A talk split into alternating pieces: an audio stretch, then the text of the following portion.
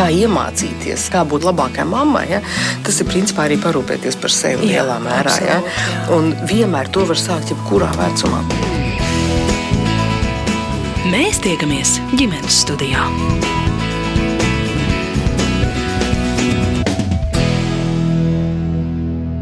Labdien, un esiet sveicināti ģimenes studijā. Šodien, kā piekdienās ierasts, dosimies viesos, un šoreiz es Agnese Linka ciemošos pie kādas ģimenes šepat Rīgā. Elīna Kolāte agrāk strādājusi kā vidas žurnāliste gan televīzijā, gan bijusi mana kolēģe arī Latvijas radio. Šobrīd no žurnālistikas, kā pati saka, aizvien attālinās. Viņas vīrs Andris Tihomīrovs, šaha entuziasts un skolotājs, ar interesi un zināšanām arī par vēsturi. Abi kopā viņi ir piecgadnieka Valtera vecāki un bez liekas kavēšanās atzīst, ka noteikti sevi var saukt par pilnīgi normālu ģimeni. Par ikdienas sadzīvisko ilgtspēju viņu mājās, kāzām, kurās gradzenus jaunajam pārim apliek ap potīti, un to, kā izdzīvot, ja mājās šahists šai sarunā. Bet sākam, protams, ar iepazīšanos, un pirmā runā Elīna.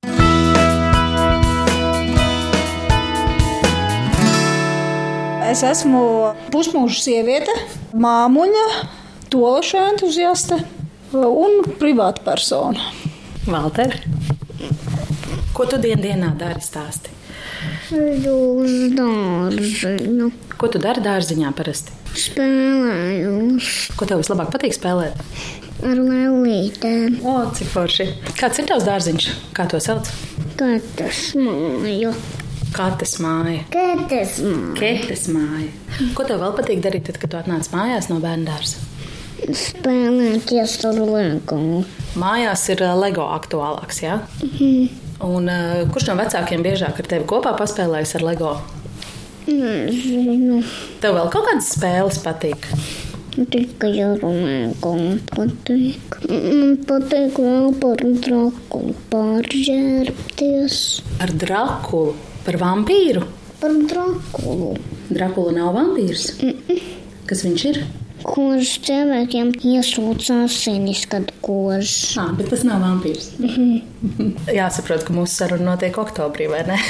nu, tas ir aktuāli visu gadu. Tas ir visu gadu. Aktuāli. Pēc nāves dzīve ir viena no tādām svarīgākajām tēmām, kas vēl tur interesē. Valter, cik tev gadu? Pieci. Drakulu tu esi redzējis kādā filmā vai lasījis grāmatā, no kurienes tu zini par viņu? Mūtenē un grāmatā. Aha, nu labi. Tad lūkšu tētim arī pastāstīt. Nu, es esmu šahists. Šahists, šaha turnīru organizētājs vēl es esmu. Tāds man arots ir. Es negribētu teikt, ka es esmu vēsturnieks, bet uh, es darbojos vēstures biedrībā un rakstu grāmatu pa tālu.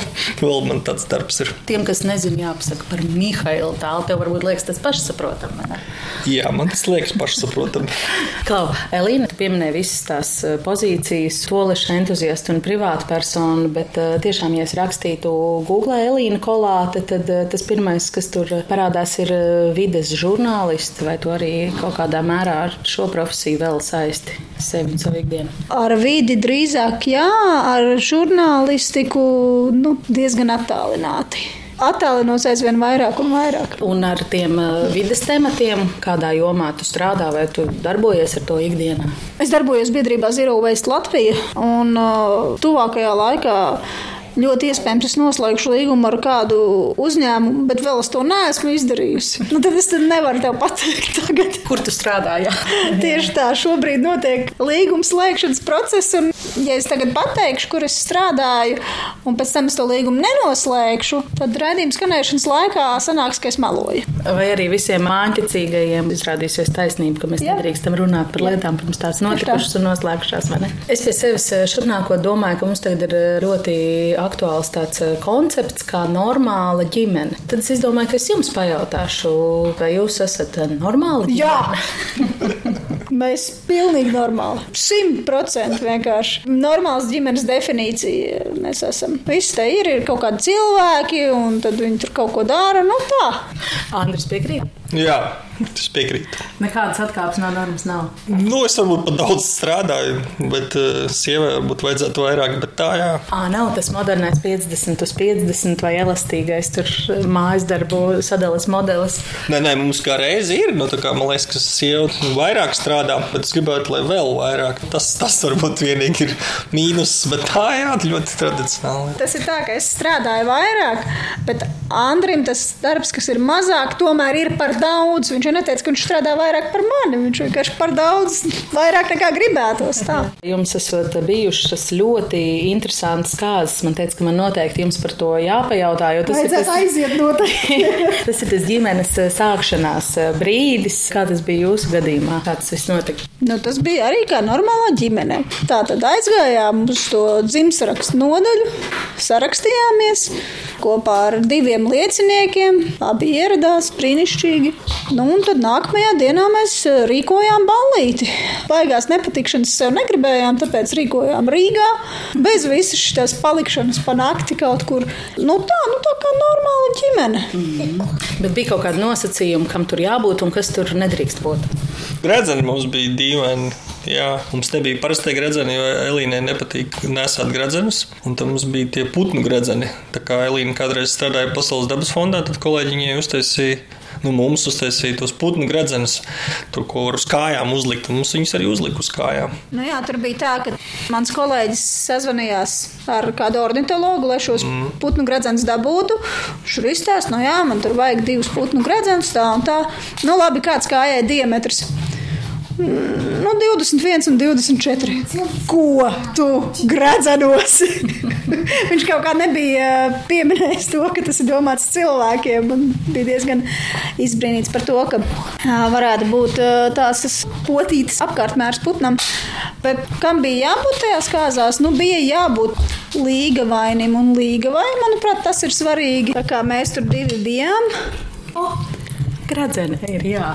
Un, un, un alumīnijas kādreiz bija dārgāks par zeltu vienu īsu periodu civilizācijas vēsturē. un Šis ir no alumīnija. Nu. Tur kaut kāda suga sarakstīta cilvēku, ja tur kaut kāda. Nu, tāda, jā. Viņus reāli var uzlikt, viņus mums uzlika viņus uz kājām. Šeit tad panāsāki. Nu, nē, tā kā nē. Bet, nu, Lombard, Gērtie. tā kā uz Lombardu nevar aiznest, tad tā praktiskā nozīme. Jo parasti jau aiznest normālās ģimenēs. Mēs nevaram kā normāla ģimene aiznest uz Lombardu laulību gredzenus, jo uh, viņi ir alumīnija un tāda kaut kāda jocīga putnu gredzena. jā. Nu jā, un atgriežoties pie tā, kam tur bija jābūt līga un līga vainas bija, vēl kādi zīmīgi fakti. Vides fakti. Vides fakti, Valters saka, tie nozīmīgākie. Nu, mēs tā baigi uh, nespiedām uz to, ka šīs būs baigās kāzas. Nē, nu, cilvēki zināja, uz kurien viņi nāk. Mēs aicinājām cilvēkus arī nepirkt speciāli jaunu kleitu. Nu, vienkārši vilkt to, kas ērti ir. Un tad bija cilvēki, kas nāca gan svētku tērpos, gan tādi uh, ļoti ikdienišķi tērpti. Un Gribējās, lai tiem cilvēkiem, kas tur atnāk, ir ērts, patīkams pasākums, un uh, lai viņi nejūtas spiesti kaut kā uzvesties tā, kā viņi negribētu. Un lai tās kāzas viņiem nesagādā nērtības. Starp citu, tagad var laulāties arī bez lieciniekiem. Laikam no jūlija to likuma projekts ir pieņemts. Tagad tā varēs darīt, jā. Nu, ja godīgi, nav aktuāli. Zero waste un vides audzēšanas idejas, cik lielā mērā tas ir arī tādā jūsu ikdienā, kā jūs to cenšaties ievērot. Elīna skatās uz Andri un uh, smēj. Kāds vairāk, kāds mazāk? Nezinu, ko ja tu domā, lai viņš stāsta. Nu, īstenībā Andris šajā ģimenē ir ilgspējīgākais, jo nu, viņš ļoti labprāt ēd kaut kādus ēdienu pārpalikumus, ļoti vecus, vai uh, treniņdikses maina tikai tad, kad viņas tiešām vairāk nav nekā ir. Tā kā tādu pārpatēriņu viņam noteikti nevar uh, pārmest. Nu, varbūt izņēmums ir uh, rotaļlietu pirkšana. Tas, tā, uh, Tas ir pie sirds, jā. tas ir pie sirds. Nu, laikam, jā. Bet nu, es jau ne- nepērku sev. Jau sabiedrībai pērku, kas saka, nākotnes. Un kāda ir tev paša? Kaut kādas tādas pamatlietas, ka ir jāšķiro atkritumi. Jā, nav pat vērts apspriest, Jā, jā. jā pagalmā ir, kur viņus izmest. Tur nav vērts apspriest. Jā. Nu, mums nav mašīnas. Baigi, vajag. Nevajag ikdienā. nu, visas šīs individu darbības, tur šķīrot atkritumus, taupīt ūdeni vai ko tur. Tas pats svarīgākais, ko cilvēks vispār var darīt, ir eh, par tām vidas lietām interesēties politiskā līmenī. Tas ir eh, sekot līdzi, ko politiķi dara un ko viņi sola uz vēlēšanām, rakstīt tās stulbās vēstules darboties nevalstiskajās organizācijās. Un, ja skatāmies uz kaut kādu biznesa pusi, tur arī vienkārši bombīt savu iemīļotāko veikalu ar dažādiem vidas jautājumiem. Kad tur varēs nopirkt šito vai to, vai kāpēc šitais ir pārpakots vai tam līdzīgi. Tas ir tas, kur var beigās kā, dabūt kaut kādas lielākas pārmaiņas. Jo nu, nevar cilvēkam likt kaut kā mainīties, ja viņam apstākļi nav apkārt, kas to ļauj darīt. Tāpat atkritumu šķirošana, nu, ja viņam ir jācīnās ar zobiem un nagiem par to, lai parādītos kaut kāda šķirošanas miskasta, nu, sorry, es nevaru viņam pārmest, ka viņš nevēlas to darīt. Bet, nu, ikdienā parasti saka, jā, ka tad, kad mums rodas bērni, tad mēs tur uzreiz palielinam savu ekoloģisko pēdu un tā. Tā tā liekas, tā ir. Nu, aritmētiski tā varētu būt, bet uh, viss jau ir atkarīgs no tā, kā tu dzīvo. Dažādās vietās pasaulē arī cilvēki var dzīvot uh, ļoti, ļoti dažādi, ar ļoti dažādām ekoloģiskajām pēdām. Un pat cilvēki, kas dzīvo vienā valstī vai pat uh, šajā daudz dzīvokļu namā, es domāju, ka ir ļoti dažādi ieradumi gan ēšanas ziņā, gan pārvietošanās ziņā. Nu, tas, ka bērna eksistence uzreiz palielina to ekoloģisko pēdu, teorētiski jā, praktiski jāskatās, kā mēs dzīvojam. Un man liekas, ka mēs nedzīvojam baigi šķērdīgi. Ir ģimenes, kurām ir svarīgi katrās brīvdienās aizbraukt uz ārzemēm, ir ģimenes, kurām ir svarīgi bērnu dzimšanas dienās pagatavot tik daudz ēdienu kur neviens nēdīs, jo tiem bērniem balīties tas ēdiens vispār neinteresē. Ir uh, ģimenes, kas pārvietojas tikai ar automašīnu Nu, tajā pašā laikā ir ģimenes, kas mazdārziņā sev audzē ēdienu, ir ģimenes, kas atkritumu radīšanu samazina tā, ka to var vienā burciņā salikt. Ir ģimenes, kas vismaz daļēji mazā bērna vecumā pāriet uz mazgājumām autiņu biksītēm, un, un visbiežāk jau tie ir kaut kādi mikšļi, ka tu dari kaut kādas lietas, kas ir vidē ārkārtīgi draudzīgas. Tajā pašā laikā tev ir arī kaut kādas tādas iezīmes, kur, nu, nav nekas baigi vidē draudzīgs. Tādu ideālo ģimeni, kas visu darītu tā, ka nu, tur uh, sirds kā dimantoliņu, to gan es neesmu redzējusi. Un to es arī negribētu saukt par normālu ģimeni. Pat eh, vēlākie zero veistari tādi nav, jā? Ja? Nav, nav. Elīna ikdienā nodarbojas ar to, lai tevi arī pievērstu, vai tev vienkārši arī tās lietas ir pietiekami svarīgas? Nu, nu viņu man te slavē visu laiku, es jau, jau tāds dabiskais zero veistars esmu, jo man tiešām neko nevajag. Un tagad arī tur pērku tās rotaļlietas tikai tāpēc, ka, nu, dēlam tur vajag. Bet jā, man, man es tā nezinu, ļoti reti kaut ko pērku tā sev tiešām. Tā kā man mašīnas nav, tad man grūti izdomāt, ko es vispār pērku. Nu jā, jo galvenais jau ir nevis eh, kā tu to visu lieto, izlieto, kompostē un tā tālāk, bet laikam jau nopirkt mazāk īstenībā ir eh, tas, ko mēs bieži vien ikdienā neaizdomājamies, ka tas ir tas svarīgākais. Nu, tieši tā, un Andris tur ir eh, es neteikšu, ka speciālists, bet uh, nu, tāds praktiķis ar lielo P. Viena retie strīdi, kur mums ir par to zero waste tēmu, un, un vispār, piemēram, vakar mums bija kaut kāds rēdiens, un pēkšņi gribu viņu apēst pēc kaut kāda laika, un viņi nav, jo Elīna viņu izmet miskastē. Nu, vecs ēdiens. Man normāls ēdiens, jo es varu apēst visu, kas ir. Nu, tur labi, ok, dažreiz vasarā kaut kādas mušiņas ir, tu paņem viņas aizlido, nu, tur ir kaut kāda arbūza. Jā, tas kaut kā tā saudzes, kas nevar izmest ēdienu, nu, ja viņš ir pēc tam izskatu un ožas, nu, viņu var atpazīt, ka viņš ir ēdams, viņu noēda. Nu, tas mums dažreiz ir, jā, ka viņi tur izmet par ātru kaut kādu ēdienu vecumu. Kaut gan būtībā jau jūs uzskatāt šeit jau. Jā, ļoti sakrīt, viņi jau priecājās, jā. Klau, bet attiecībā uz visām bērnu lietām, tu jau pieminēji tās ballītes un rotaļlietas arī. Bērni jau, man liekas, mūsdienās īpaši ir pakļauti tam patērnieciskumam un gribēt visu kaut ko, kas ir bērnu dārza biedriem un visas tās saka, liela budžeta 90 minūtīgās reklāmas eh, multinītes, ko viņi skatās vai neskatās, kā tas ir jūsu puikam. Nu, skaidrs, ka viņš kaut ko grib, jā. Tu centies pretstāvēt jūs vai, vai nē? Tur ir tā. Viņš visu kaut ko grib, un viņš arī labi saprot, pie kā vajadzētu vērsties šajos jautājumos. Tā nav mamma. Un tā neesmu es, un ja es esmu tuvumā, tad uh, izskan aicinājumi man aiziet, varbūt atpūsties, padarīt kaut kādas savas lietas, beidzot. Nu, tā. Tieši tik neuzkrītoši. Jā, jā, tad es varu iet atpūsties.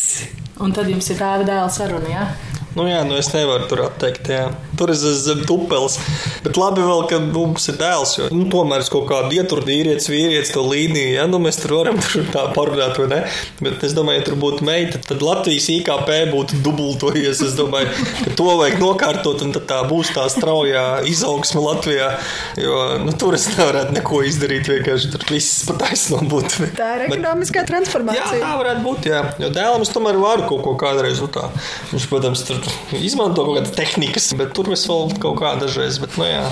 Noskaidrojām, ka Elīnas un Andra meita būtu Latvijas ne? Tā, tā sanāk, jā.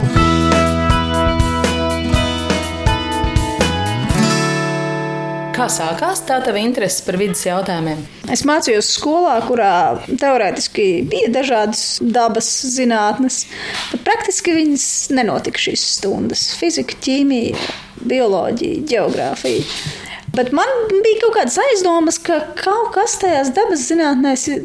Nu, tur jābūt kaut kam tādam interesantam. Es esmu dzirdējis, ka ir cilvēki, kas runā par to kā par kaut ko ļoti interesantu. Un tad, kad es pabeidzu vidusskolu, es izdomāju, ka būtu tikai loģiski studēt to, ko es nezinu. Un to brīdi, lai iestātos Latvijas Universitātes Geogrāfijas un Zemes zinātņu fakultātē, vidus zinātnē, tika ņemta vērā latviešu valodas un angļu valodas eksāmeni, kas man bija baigi labi.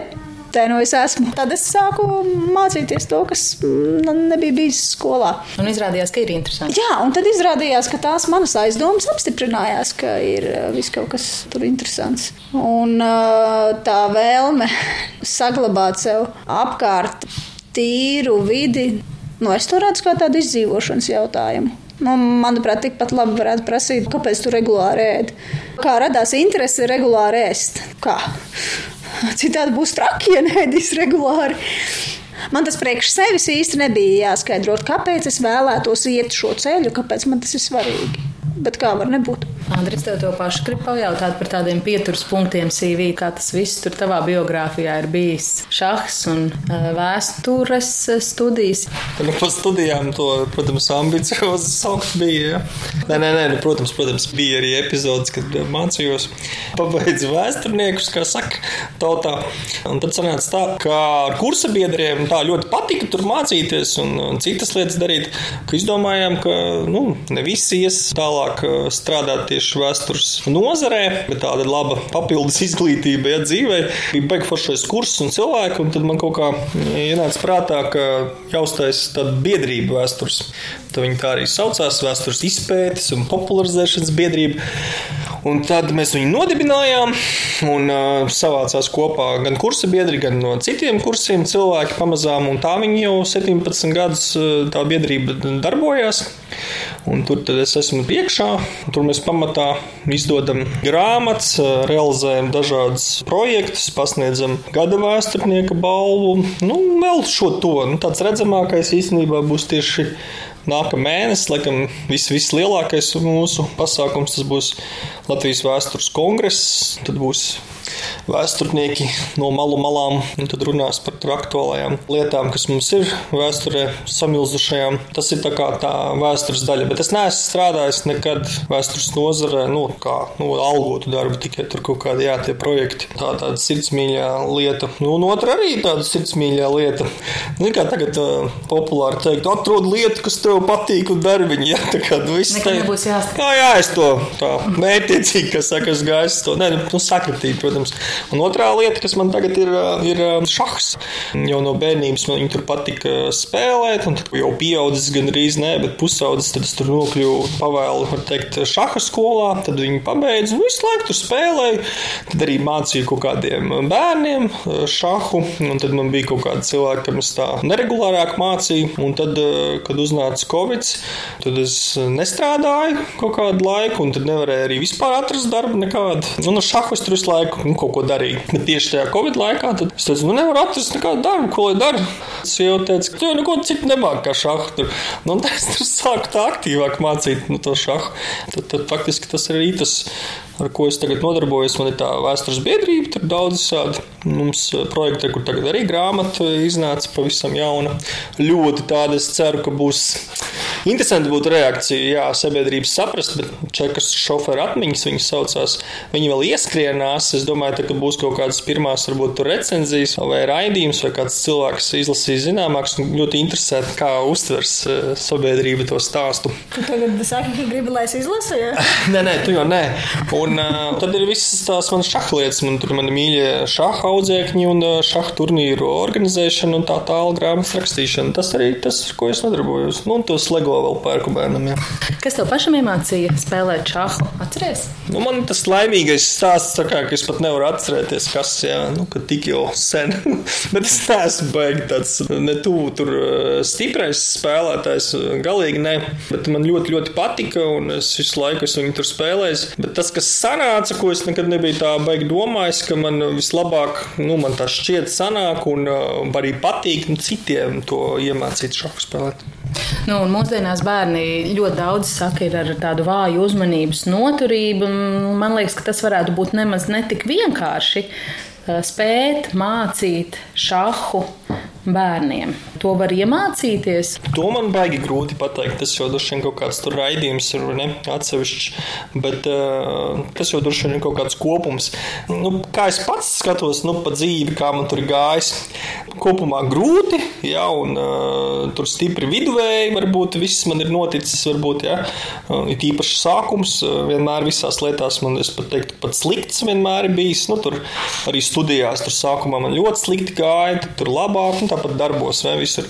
Man vienmēr tie sākumi grūti, bet es kaut kā ātri sapratu, ņemot vērā to, ka gan universitāti var pabeigt, gan uh, kaut ko pat uh, šahā sasniegt, nesot ļoti stiprs spēlētājs. Nu, tikai vienkārši neatlaidīgi turpinot, ja tas patīk.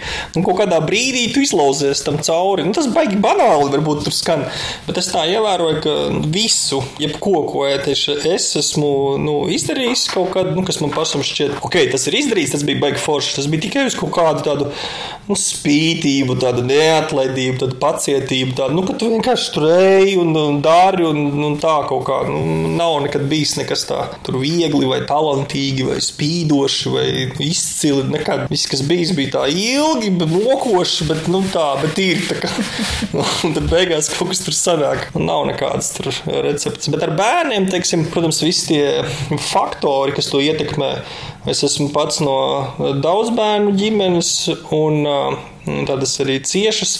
Mums tur nācās vienkārši nu, kopā beigi komunicēt un, un dzīvot. Es domāju, ka tas arī ir kaut kāds faktors. Man ļoti, ļoti patīk ar bērniem komunicēt. Vienmēr. Tas kaut kā varbūt tur salikās viss atkal kopā. Bet savos audzēkņos tu tagad novēro arī to, ka, piemēram, nu, lai iemācītos spēlētu kaut kādā plus-mínus eh, līmenī šahu, ka tā centība un neatlaidība ir vajadzīga, vai ir kaut kādas kvalitātes, kas ir nepieciešams cilvēkam, lai viņš nu, varētu kļūt par šahistu. Tur es esmu ļoti skeptisks par šiem jautājumiem, nu, ka šahs kaut kas super īpašs. Ja? Es domāju, ka tas ir tas pats, kas, nu, jebko mācīties, nu, manuprāt, jā, tur ir koncentrācija, ja? bet viņa šahā ir vienkārši acīm acīm redzama. Kā, ja tu mācies bez koncentrācijas, eh, nu, tādas, ja, tad tu vai nu ilgāk mācies, vai nekad neiemācies. Bet, manuprāt, tas ir tas pats, kas nu, zīmēšanā. Ja, ja tu pavirši pildi skolotāju uzdevumu, nu, tad tu arī zīmē tur kā rāža kāju vai kā tur. Ja, nu, tur nesanāk tev tā zīmēšana. Un tur es, jā, es domāju, ka tas ir pilnīgi visās nozarēs. Jebkurā sportā, jebkurā mācību priekšmetā.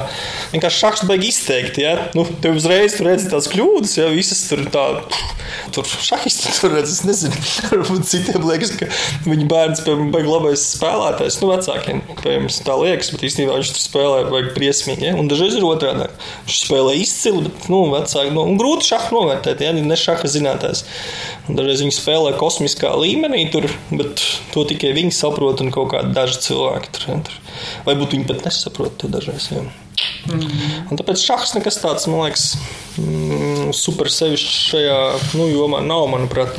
Bet tas, ko es redzu, nu, kā, kas viņu atšķir varbūt no citiem pulciņiem, ja kaut kas man ir tomēr jāizceļ, tad uh, man audzēkņiem es vienmēr interesējos, kādos pulciņos viņi iet. Un tad mēs tur pārunājam arī, tur, kā viņi tur tajā pulciņā iet un tajā.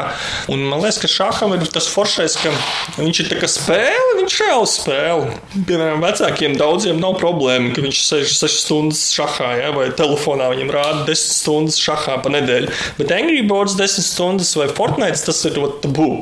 Šachs ir, nu, reāli 20 stundas, go for it, ja, tas ir baigi foršs šachs 20 stundas nedēļā. Ja. Trenēs, jā, jā, jā, tur baigi attīstīt.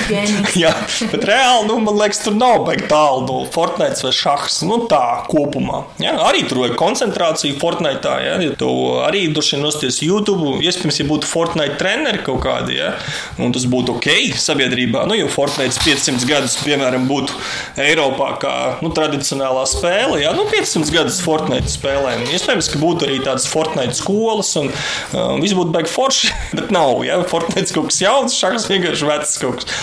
Un tad tā šaham ir tas pluss, ja, ka ir iestāstīts uh, vecākiem, ka baigi labi šahs ir, nu, tādā ziņā. Nē, nu, protams, ka tur uh, gan jokoja, gan nē, bet kopumā, man liekas, šaham tā atšķirība un foršais ir tas, ka viņi ir tā kā spēle, un, un reizē viņš, viņam ir visi tie elementi, kas ir parastajā mācīšanās procesā, mācību priekšmetos. Man ir koncentrēts laiks, ko es pavadu ar to uh, savu uzdevumu. Tad nu, mācos šahu, ja tur ir kaut kāda interakcija, un tad nāk rezultāts. Ja. Kā es kaut ko nesāku darīt, rezultāts krīt. Ja. Un, un tad viņš iemācās mācīties. Nu, varbūt tas būt tas, ja, ja tā kā ārpus skolas, piemēram, viņš mācās mācīties spēli. Tad tas ir interesantāk nekā mācīties citu priekšmetu, un viņš redz rezultātu. Kas notiek, ja es daru tādas, tādas darbības? Viņš bērns šausmīgi ātri saprot to likumsakarību, un dažreiz viņi to izmanto uz mācību priekšmetiem vai citām darbībām dzīvē, un tāpēc ir pamatots šeit. Gan ir tas arguments, ka šachs palīdz viņiem mācībās. Vienkārši viņi iemācās mācīties.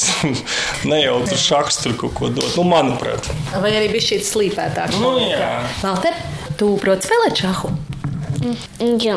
Jā. Tu zini, droši vien, kā iet, kur figūra, vai ne? Mhm. Tev ir sava mīļākā šaha figūra.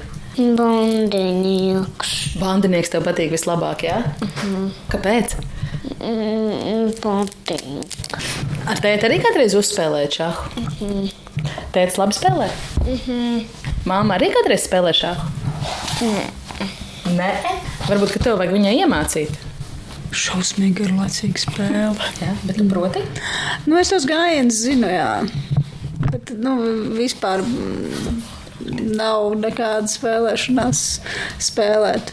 Bet, eh, neskatoties uz to, varētu būt, ka tādā šaha vēsturē un šaha teorijā es varētu būt Latvijā viens no zinošākajiem cilvēkiem, jo, nu, gribi, negribi šīs zināšanas ir uh, jāuzsūc. Mēs reiz taisījām eksperimentu, vai es varētu nosaukt vienā rāvienā simts šahistus. Es teicu, ka bez problēmām, un Andris neticēja, ka kaut kas tāds ir iespējams. Beigās man sajuka skaits, un es nosaucu 110, neatējot no kases. Kā tas tā ir sagadījies? Ko? Viņš ne tikai runā visu nomodu laiku par šahu, viņš mēdz par to šahu runāt arī tad, kad viņš ir aizmidzis. Kaut kādus maču rezultātus stāsta. Un vienkārši, ja tos vārdus es visu laiku dzirdu sev blakus, nu es viņus nevaru neatcerēties. Protams, ka es tos vārdus zinu. Es varbūt ne pārāk labi zinu, ko viņi nozīmē, bet, protams, ka es tos vārdus zinu. Viņš dažkārt uh, saviem audzēkņiem vai turnīros mēdz taisīt tādas viktorīnas par šāda notikumiem un par vēsturi un tā. Šāda turnīros es, protams, nespēlēju, bet es parasti piedalos tajās viktorīnās ar ļoti labiem rezultātiem. Šodien ģimenes studija viesojas pie piecgadnieka Valtera un viņa vecākiem Andra Tihomīrova un Elīnas Kolātes. Izskanot viņu izvēlētai mūzikai, kas starp citu esot īpaši tādēļ, ka tieši šīs dziesmas pavadījumā Valters esot spēris savus pirmos patstāvīgos soļus, mēs atsākam sarunu par šaha nozīmi un vietu viņu ģimenes dzīvē un ikdienā.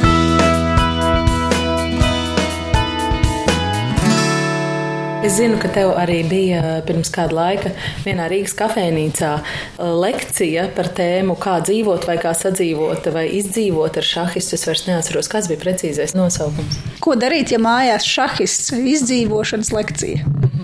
Vai tu ģimenes studijas klausītājiem arī vari pastāstīt par to, kas ir tās atslēgas lietas, vai to tikai par mākslu kafejnīcās? Nu, labāk, lai samaksātu. Bet, nu, ja tomēr varētu izlūgties. Bet, ja varētu izlūgties, um, Kas bija tur tā esence? nu, tā esence, kā komentēt šaha spēli, jebkuru. Jo man dažreiz Andris prasa komentēt, nu, kā tev šī izskatās. Un es paskatos, nu, man nekā tur neizskatās loģiski. Bet uh, nu, viena tāda universālā frāze, ko vienmēr var teikt, ja vēl spēle nav beigusies, ir: Nu, mats vēl nav. Jo nu, tā visticamāk būs taisnība. Un uh, tā, tā kā norāda, ka tu saproti, ka var šaha spēlē viss, kas mainīties, kas tā arī ir. Protams, ka var mainīties. Ja būtu zināms no paša sākuma, kurš uzvarēs, tad jau nevajadzētu spēlēt. Un tas tā kā norāda, ka tu. Iespējams, esi tā kā iedziļinājies uh, un vispār baigi gudrais. Jo, sakot, ka mats vēl nav, var rasties iespējas, ka tev jau galvā ir uh, tas scenārijs, kurš varētu notikt, lai spēle apgrieztos kājām gaisā. Tā kā frāze mats vēl nav, to es iesaku izmantot. Ja gadās, ka ir jākomentē kāda šaha spēle. Tad, kad jūs iepazināties, viņi jau mācīja arī gājienus, vai tu uzņēmies par to rūpi?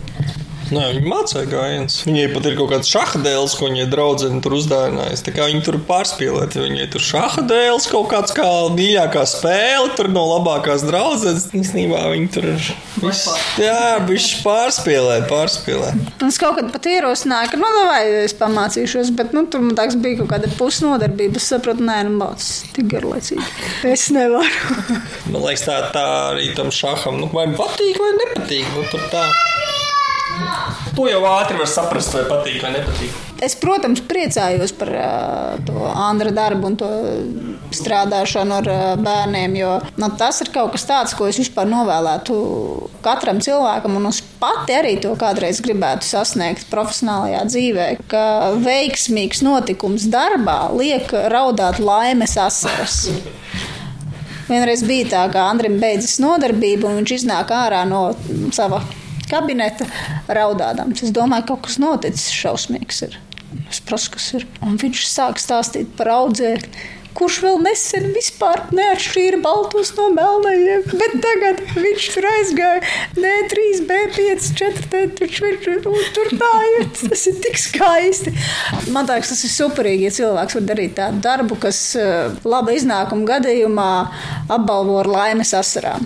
Vai man eh, darbā ir bijis gandarījums? Jā, ir bijis gandarījums, vai ir bijusi laba sajūta par labi paveiktu darbu, jā, ir, ir bijuši ļoti priecīgi brīži. Bet vai man kādreiz darbā, darba dēļ, ir bijušas laimes asars? Nē.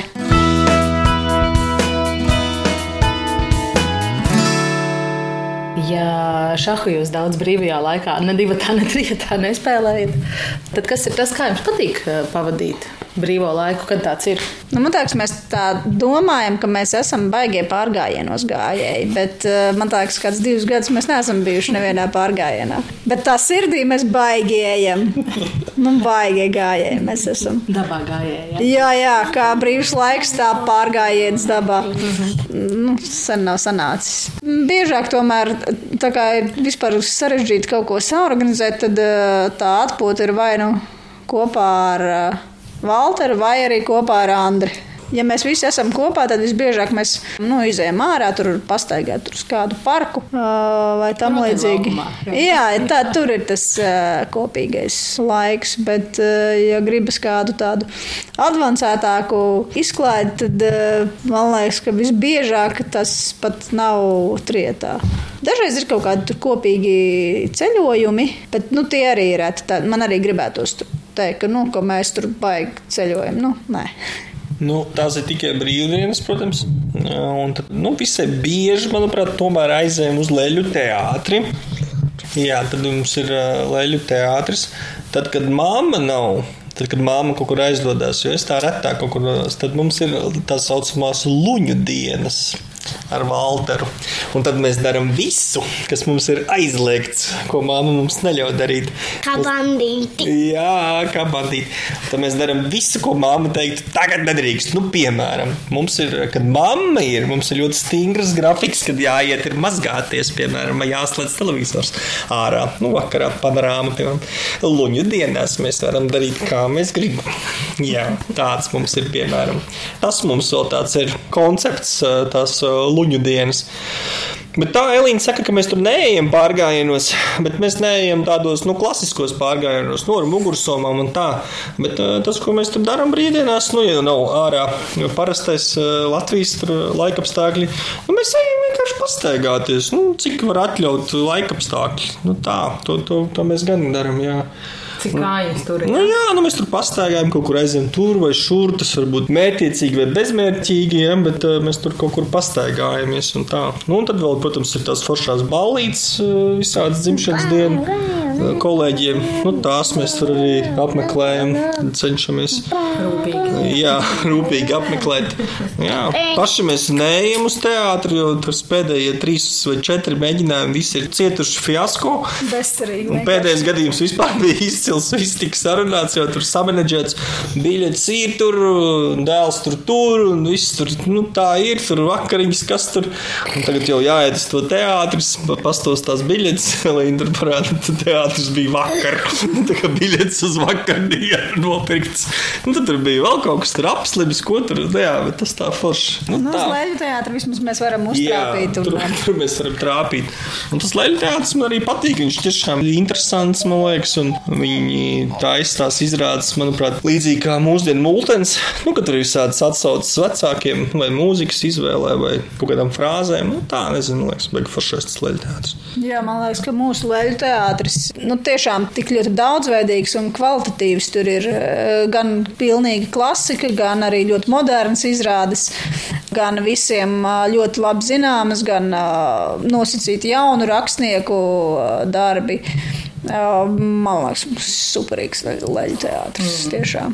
Un uh, tur tās izrādes, ko skatīties, viņas nekad nebeidzas. Viņas ir ārprātīgi daudz, un tur vēl nāk klāt. Un Dažreiz šķiet, ka ņemot vērā to, cik bieži mēs tur ejam, ka nu jau būsim visu izskatījuši. Bet nē, tagad vēl šitais un tas tur ir. Un visu laiku tajā repertuārā kaut kas jauns parādās. Jums ar Valteru pat bija kaut kāda tāda tā kā, eksperta loma piešķirta, vai tā bija pašpasludināta? Mums bija ielūgums, kur bija norādīts kritiķis žūrija. Tā tas saucās. Kritiķis žūrija. Man liekas, tā, kur Valters pirmo reizi bija kritiķis žūrija, bija par skeleta Johana gaitām. Valteram ļoti patīk skeleti. To mēs Anatomi- redzējām arī viņa istabā. Jā, Jā, anatomija kopumā ir baigta labā, bet skeleti, nu, tiem ir jābūt visur. Un, jo vairāk skeleti, jo labāk. Un, ja ir izrāde par skeletu Juhanu.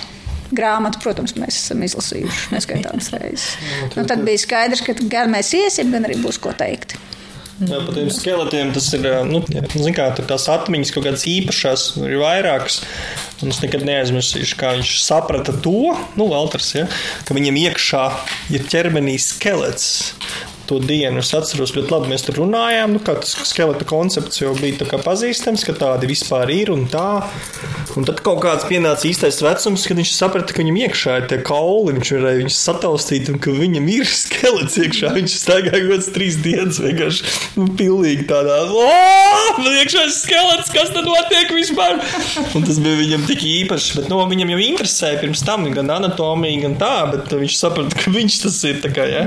Un tad viņš ir anatomijas muzejā, kas ir labs muzejs tāds, un tur viņš iet desmit reizes gadā kaut kur tā vidēji, nu katru mēnesi viņš tur aiziet. Un, Un, jā, un viņam patīk visas tās lietas, skatīties, kas man īpaši. Viņam ļoti, ļoti interesē. Un vienreiz tur bija tāds atgadījums, ka tur anatomijas muzejā tajā, mm, iznāca kaut kāda grāmatiņa, kur bija vienkāršotā veidā uzzīmēts skelets, uzlī, uzlīmīts, un tur izkrāsot kaut ko varēja. Un tur bija tādas kontūras skeleta. Bērnu grāmatiņa. Un pirmais, ko Valters pateica, atverot to grāmatu, tai darbiniecei, kas anatomijas muzejā, viņ- viņš pastījās un teica, un kur tad ir ceļa kauliņš skeletam? Kāpēc nav ceļa kauliņa. Labi, ka vēl latīniski nenosauc. Bet nu, tā, jā, nu, bērniem ir to es esmu ievērojis. Ja viņi uzkrīt uz kaut kādu tēmu, un ja tur apstākļi kaut kā sakrīt, viņiem patīk būt par ekspertiem, viņi roka tur dziļi. Piemēram, Valteram Dārziņā ir kolēģis, kas uh, orientējās putnos, nu, tādā, cik es varu saprast, jā, Bruno viņu sauc uh, top līmenī reāli. Tur ornitologi laikam brīnās, jā, ka kā tādā vecumā var zināt. Nu, tur atpazīst putnu sugas pēc olām. Tā. Tā nopietni, ja, un es arī no saviem, ja tur, piemēram, tiem um, šahā, kurus bērniem mācu, ja viņiem, ja viņiem ir kaut kāda tā super tēma, ja, kur viņi tā kā viņiem interesē, viņiem tās zināšanas ir, nu, salīdzinot ar to, kas mums tā kā bija pieejams, vai ne, vai ko mēs zinājām, nu, ļoti plaši dziļi, ja. Viņi tiešām ir eksperti daudzos jautājumos piecos gados. Agnes, tu sacīji, ka bērniem ir tā problēma, ka viņi nevar ilgi noturēt uzmanību. Man liekas, ka viņi ļoti labi var noturēt uzmanību, ja runa ir par lietām, kas viņus interesē. Un, uh, viņi ļoti ātri izlemj to uzmanību neturēt, ja tas ir kaut kas tāds, kas viņus uh, nu, neinteresē. Un vienkārši Piedodiet, mums jāpasaka, Valters teica, ka skelets grib kaut ko pateikt. Jā, skelets tika atnests no bērnistabas, no Valtera istabas, un smuki nosēdināts pa vidu mammai un tētim. Tavam skeletam ir vārds. Kā viņu sauc? Skolets Johans. Skelets Johans, protams. Nu jā, zīmols ir spēcīgs. Nu, pieaugušiem cilvēkiem jau arī ir nu, daudzas lietas, kas neinteresē, bet mēs esam iemācījušies nu, to neizrādīt. Piemēram, ja mēs aizejam uz teātra izrādi, kas mm, nepatīk, mēs neiesim prom pēc pirmajām trīs minūtēm. Nu, nu, vismaz to pirmo cēlienu nosēdēsim. Kaut gan, ja tā padomā, priekš kam, kāpēc izniekot uh, savu dzīves laiku vēl stundu sēžot kaut kādā izrādē, kas nu, nepatīk. Un, uh, nu, bērni to ļoti labi saprot, ka nevajag niekot laiku visādās neinteresantās lietās. Ja kaut kas interesē, nu, tad kārtīgi ir iekšā. Ko tev patīk darīt brīvdienās kopā ar vecākiem? Spēlēties ar Lego. Jūs bijāt kaut kur nesen aizbraukuši? Jā. Tikai mēs ar Andriu. Ah, tur vecāki bija aizbraukuši bez bērna. Jā, un tad Valters bija palicis ar vecmāmiņu, tad ar auklīti. Esot gājis super duper. Nu, padzīvoja zaļi droši vien, kamēr senči nav mājās, vai ne? Kā tas parasti notiek. Valter kā bija? Labi bija. Ko tu sadarīji, kamēr vecāki nebija mājās? Viss kaut ko.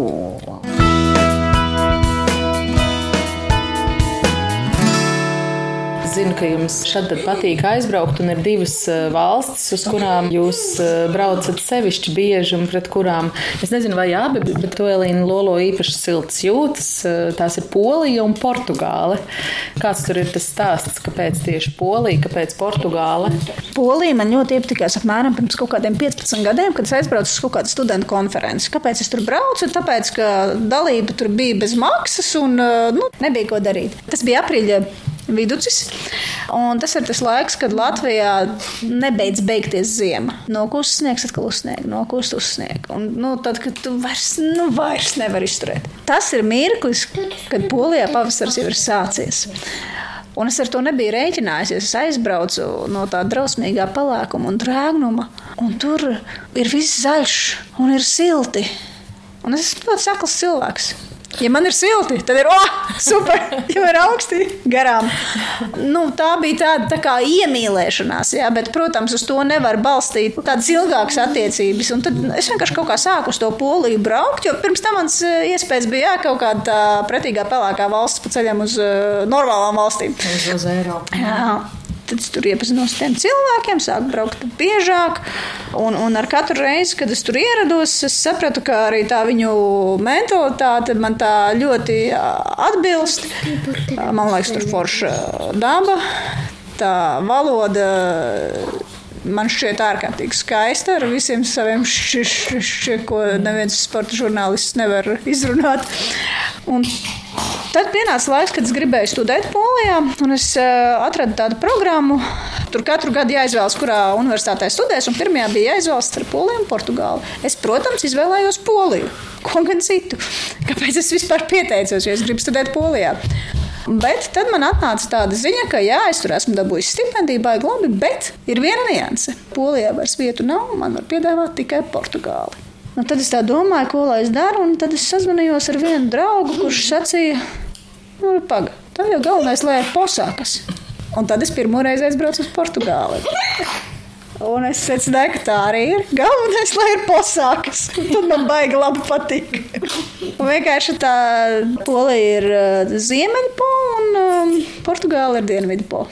Jums esot bijis, es nezinu, vai vēl aktuāls plāns mēģināt pārcelties uz vienu no po. Gribētos jau, sevišķi ziemās. Ja. Es domāju, ka es par šo sākšu runāt eh, nākamnedēļ jau ļoti eh, agresīvi. Tad, kad pirmais sniegs uzsniegs, ja? Nē, nē, man pat tas nav jāsagaida.